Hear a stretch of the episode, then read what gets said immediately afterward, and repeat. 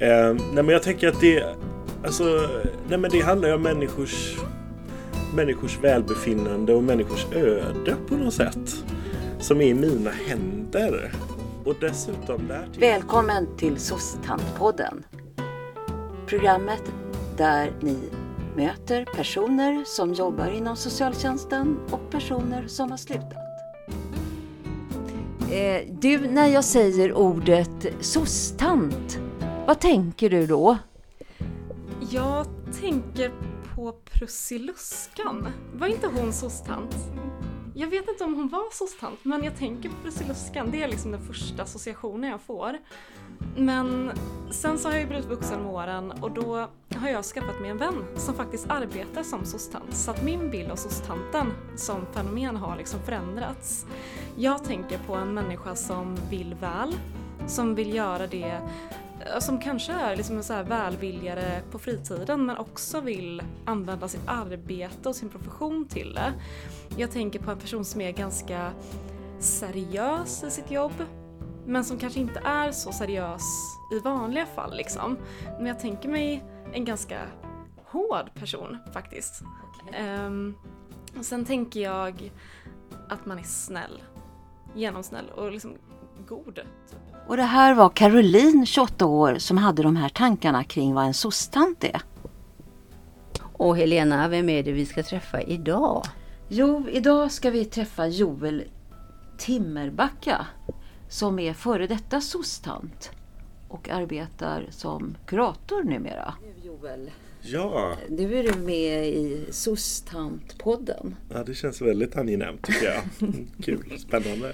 Eh, och vi har bjudit in dig för att du har jobbat som, eh, ja, socio inom socialtjänsten. Mm, det har jag. Jag har en sådan erfarenhet i bagaget. Kan du identifiera dig då med SOS-tanten tycker du?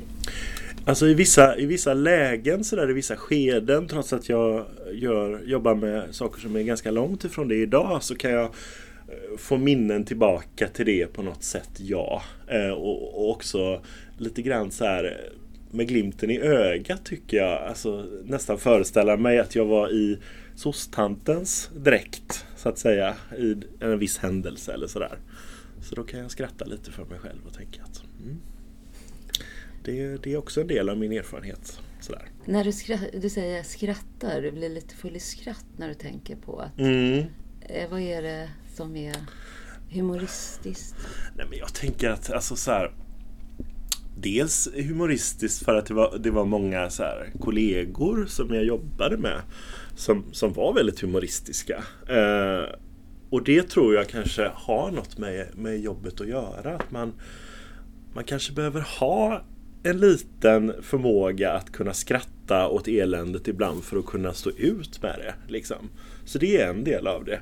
Och sen också den här oerhörda stressen eller stresspåslaget som jag ofta kunde känna. Kan jag ju skratta åt idag att det liksom Alltså utifrån så här att det var lite absurt nästan. Så. Nej, men jag tänker att det är ju oerhört svåra situationer eh, som man som socialsekreterare ställs inför. Ehm, Jag jobbade ju med barn och unga och det var mitt första riktiga jobb som eh, socionom. Ehm, Och Och hur jag- gammal var du då? Då var jag 26. Ehm, nej men jag tänker att det Alltså, nej men det handlar ju om människors Människors välbefinnande och människors öde på något sätt. Som är i mina händer. Och dessutom därtill så känner jag mig ofta ganska ensam i att fatta de här svåra besluten. Och den stressen då, att ny i yrket och inte riktigt kanske har blivit introducerad heller. Så jag, alltså det, det kändes lite som det här när man ska lära sig simma. Att man blir den här tekniken när man blir kastad i vattnet och så får man se om man flyter ungefär. Alltså lite så kunde jag känna ibland. Inte. Jag hade nog en bild av att det skulle vara tufft och stressigt och så. Men, men, men jag kunde inte föreställa mig riktigt. Men du hade gått fyra år på utbildning. Ja, men jag, jag vet inte. Jag tänker att det närmsta jag kom på utbildningen som på något sätt touchade någon slags verklighet var väl kanske att göra praktik då. Men, men i övrigt så var det ju oerhört långt mellan universitetets värld och socialkontorets värld på något sätt. Jaha, det var det. Ja, det var som en, det var som en djup eh, avgrund däremellan skulle jag säga. Mm. Så, så upplevde jag det i alla fall. Att det var. Kan, kan, kan det vara ett samband till, eller en orsak till varför, därför folk inte orkar vara kvar i socialtjänsten tror jag? Alltså jag tror att det absolut är en orsak eftersom det har väl blivit så lite att många av de som, som börjar jobba där är ganska unga, ganska nyutexaminerade personer som kanske inte har Alltså alls den, e- man har inte byggt upp den här banken av erfarenheter liksom. Och så ställs man inför de här tuffa, svåra besluten. Så det tror jag. Eh, att det absolut, alltså man, man, man har nog inte riktigt förstått vad det är som väntar. Vad var det som fick dig att söka dig till det här yrket? Tänkte du då då Ja, istället? du, Och jag har alltid trott på förändring. Eh, både att så här, människor kan förändras och att samhällen kan förändras och att eh, orättvisor kan förändras eh, till att bli mindre orättvisa. Och det tror jag fortfarande. Eh, jag kanske har en mer krass syn på det hela idag. Men det var liksom det som gjorde att jag sökte mig till socialt arbete. För jag tycker att det är en det är en, liksom en spännande verkstad där det också finns utrymme för mycket så här kreativitet och att man faktiskt med sin egen då, moraliska kompass eller vad man nu ska säga eller sin politiska övertygelse eller vad det är kan faktiskt eh, hitta hitta så här lösningar och möjligheter i ett samhälle som Sverige.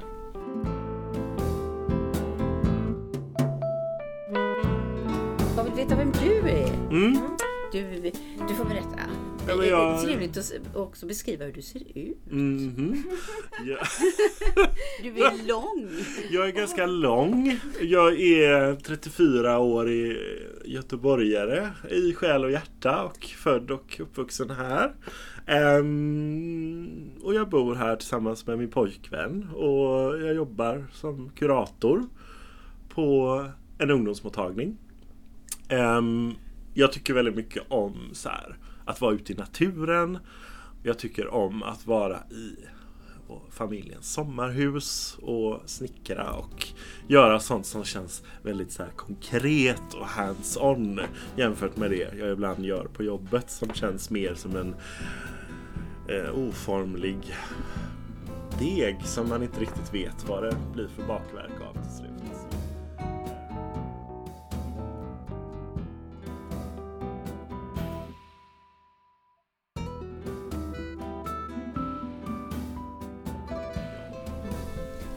det här om vi eh, skulle drömma, vad har du för visioner? Vad skulle du, om vi nu ska försöka få, eh, få folk till SOS?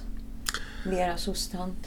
Alltså dels så tror jag ju, tycker jag att jag hade varit väldigt käckt med så här medborgarlön eller någonting som gjorde att man kanske inte ens behövde gå till SOS. I alla fall inte för ekonomiska eh, skäl. Men för att få folk dit, ja jag tänker det här att så här, försöka bryta ner känslan av det liksom individuella ansvaret. Det är ju naturligtvis viktigt för att man ska göra ett bra jobb.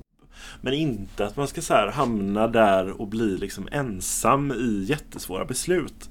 Det tror jag man behöver jobba med. Sen tror jag på en minskad byråkratisering av socialsekreterarjobbet. För jag tror inte de flesta som utbildar sig till socionomer och sen blir socialsekreterare, jag tror inte det, det är det man vill göra. Jag vill inte det i alla fall och de flesta jag träffar tycker det är jättetråkigt. Kanske en annan yrkesgrupp ska ta de där besluten. Ja, det tror jag. Absolut. Hur då? Det där låter spännande. Mm. Vilken yrkesgrupp skulle det vara? Jag, jag vet inte. Jag tänker att det finns människor som väljer andra yrken som kanske har lättare för att ta ett beslut om man kanske inte ska vara som socialsekreterare ska man ju vara både den som behandlar och den som skruvar åt. Precis. om regelverket, om lagstiftningen. Ja, och det, jag kan ju säga att eh, precis. Och eh, jag upplevde det som att det var en väldigt mycket slagsida mot att det att man bara var på något sätt den som bestämde och som sa, sa si eller så satte ner foten. Men det var väldigt lite av det här förebyggande arbetet och lite av liksom så. Så det hade jag velat se mer av. Och sen så tror jag att handledning och utbildning är såna här grejer som man bara eh, kan ha mer av. Man kan aldrig få för mycket av det. Så det tror jag att man skulle göra mer och frekventare och på olika sätt. Kollegial handledning och metodhandledning och processhandledning också kanske.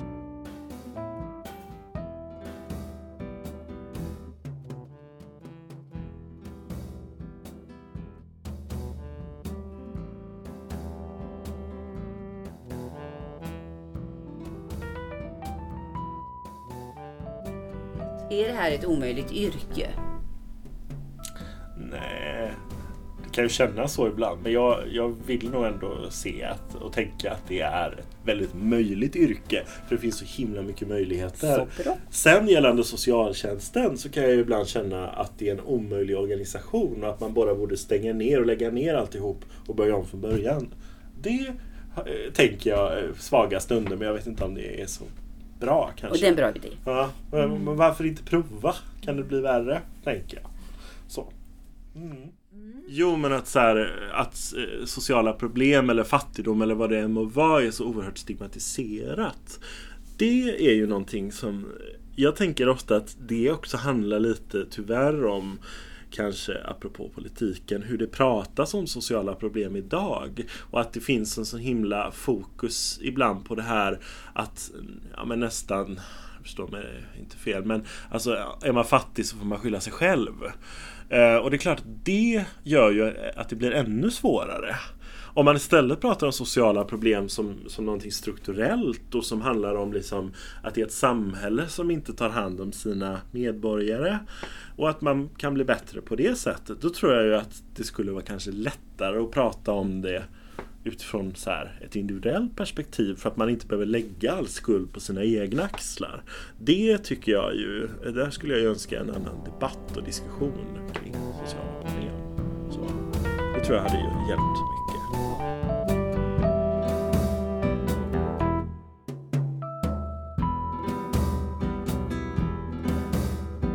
Vad gör dig glad av jobbet? När du jobbar med socialt arbete. Vad, gör, vad är det som... När jag märker att det jag gör faktiskt gör någon nytta. För nu Så- jobbar du också med ungdomar alltså? Nu jobbar jag med ungdom. Ungdomar har på något sätt kommit att bli min, eh, ja, min grej. Liksom. Eh, en skillnad då jämfört med att jobba på socialtjänsten och faktiskt vara kurator på en ungdomsmottagning. Det är ju att man faktiskt så här, får träffa unga människor som har valt att komma dit. Som vill vara där. Och som säger tack! Det känns jättebra att prata med dig. Det känns som att jag faktiskt mår mycket bättre och förstår mig själv på ett helt annat sätt nu när vi har träffats ett tag. Det känner jag så här. Ja, bra. Du gjorde min dag precis. Men vad härligt. Hände inte det på SOS? Nej, det tror jag inte att jag någonsin eh, var med om där. Och inte, Inte någonsin. nej, och väldigt sällan när man jobbar på behandlingshem även om man kunde känna att, eh, eh, att det fanns en tacksamhet men förmågan att uttrycka den kanske inte fanns. Fanns. Nej. Så att det är sådana små saker. Men jag tycker också när jag ser andra Alltså vara in action och göra saker. Det ger mig också oerhört mycket energi. För det är ändå samma, om man säger så här, det är samma typ av eh, bostadsområde som du jobbar i. Ja, det är förortsområde, storstads förortsområde. Med samma ekonomiska dåliga villkor. Ja, det skulle jag säga. Många som har det som är fattiga eller som har det svårt på olika sätt. Eller eh, folkhälsan överlag är väl tyvärr sämre i, i det området. Ja. Jag tror det, alltså du jobbade ju i Bergsjön i nordöstra Göteborg Mm, och nu jobbar du i Angered Ja. precis. Det, och samtidigt så, så tycker jag så här och har alltid tyckt att alltså jag trivs väldigt mycket att jobba i de områdena. Jag känner mig hemma där. Ehm, Jag tycker att det finns en oerhörd så här energi och kreativitet och så mycket resurser som inte tas tillvara på heller i de områdena. Hos människorna. Ja, hos människorna. Varför känner du dig hemma där då? För att jag tycker att det är vanliga människor som jag träffar i mitt arbete. Som skulle kunna vara jag eller så. Var är du själv uppvuxen någonstans? Jag är uppvuxen i centrala Göteborg. I det Haga. I Majorna. Så, så därför undrar jag varför du känner dig hemma där då? För att jag Eller är det samma människor? Vi kanske är samma Ja, människor? alltså alla är vi väl människor på något sätt. Men jag tycker väl att ibland kan jag känna att, att, att det är mer en spegling av det moderna Sverige 2019 att vara, befinna mig i Angered än vad det är att vara i Majorna. Så. Eh, sociala problem är tydligare men också olika motsättningar och eh, förändringar i samhället. Det känns så här dynamiskt också på något sätt. Att det finns oerhört mycket så här föreningsliv och, och folk som är engagerade i olika saker. Eh, och, och det tycker jag om.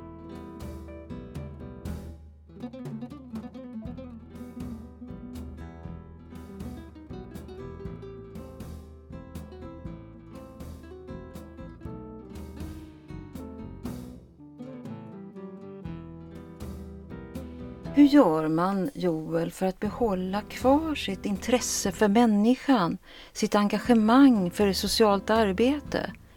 Det tar ju väldigt mycket kraft att eh, träffa så mycket olika människor med så mycket olika slags problematik.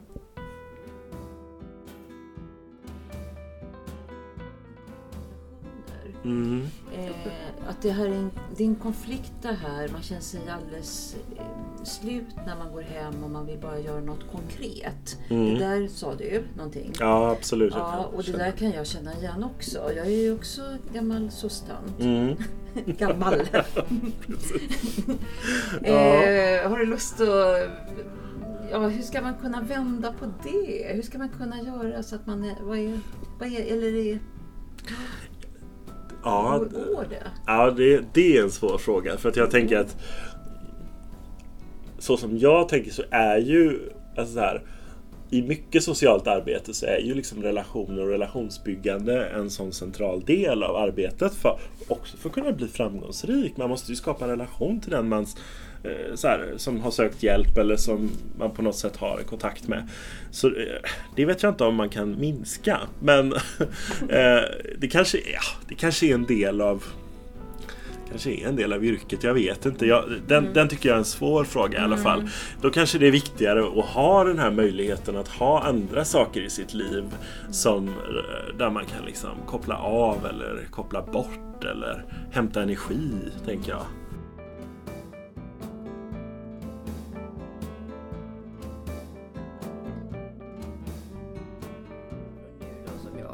Har mitt sociala arbete bakom mig. Mm. Så det jag hör är ju hela tiden det negativa i media. Mm. Och, och det är brister och det är tungt och det är eh, skäll från alla håll. Hur vågade du söka dig till socionomyrket? Till socionomyrket. Och, men det var nog för att jag tänkte att jag aldrig skulle sätta min fot på ett socialkontor. det, tänkte jag, men det tänkte jag faktiskt innan. Det var liksom min plan. Sen blev det ju så. Så att, eh, nej, men jag tänkte att det, är- att det är ju också en, en möjligheternas yrke. Det är en framtidsbransch. Vi kommer alltid behövas. Smart. Det kommer alltid finnas saker eh, för oss att, för oss att jobba med. Så, så, så tänkte jag. Men Mm. bra.